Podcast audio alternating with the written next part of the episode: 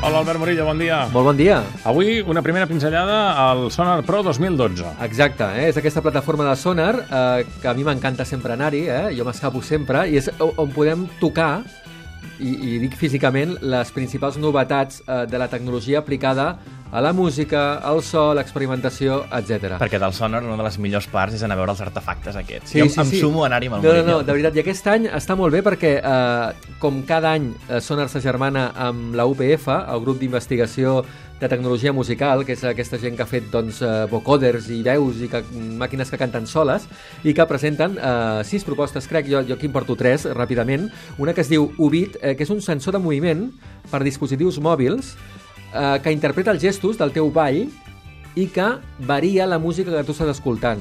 Depenent dels moviments. Exacte. Però llavors tornaràs a canviar tu, la O forma sigui, de aquí, ballar. aquí la, la imatge del disjockey, fins infinit. i tot, escolta'm, eh, la disjockey ja no fa falta, eh? O sigui, ja tu et mous i tu varies la cançó depenent de com et mous. Clar, què deu, què deu calcular, els BPMs? Sí, suposo que també els moviments, amb, amb, els, amb, amb aquesta tecnologia de, de, de que et controla els moviments, i suposo que això el que fa és enviar-ho a no sé on i canvia i varia la música. Com que sempre portem el mòbil a la mà, que ja no guardem Sí. mai a la butxaca, Sí. doncs ja ho tenim fet. Exacte, i si ho portes a la butxaca tampoc hi ha problema perquè els malucs els mous. Els mous al cul. Exacte. Després enllà, el Prefal 135, que aquesta és una instal·lació típica de museu, eh? que d'aquestes que hi ha, hi ha aigua, Sí. hi ha unes aixetes, i depenent d'obrint i tancant les aixetes, i aquesta aigua que puja i baixa, varia la música. Eh? És, és, diguéssim, una, una instal·lació típica que podria estar al MACBA tranquil·lament. I després hi ha una que m'encanta, que es diu The, The A-Harp, eh, que si aneu al YouTube i ho poseu, n'hi ha molts exemples, eh, és un instrument musical que permet, a través d'un software, el control el moviment de l'ull, i amb aquest moviment de l'ull tu controles un cursor a la pantalla i canvies i varies la música.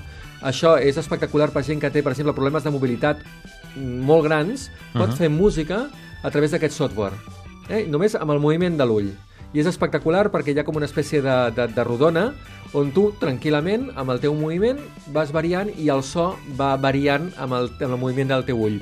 Tot això ho podrem veure i tocar, eh? i experimentar, que serà, que serà la cosa divertida. Eh? Doncs sí, sí, realment. eh, Jo m'he quedat també amb el The Harp, Sí, sí, com sí. al·lucinat, no? Sí, sí, doncs posa-ho posa al YouTube i ja veuràs busco, els busco. exemples que, que hi ha són bestials. Doncs en parlem demà de més coses. Gràcies, Albert. Adéu-siau. Adéu.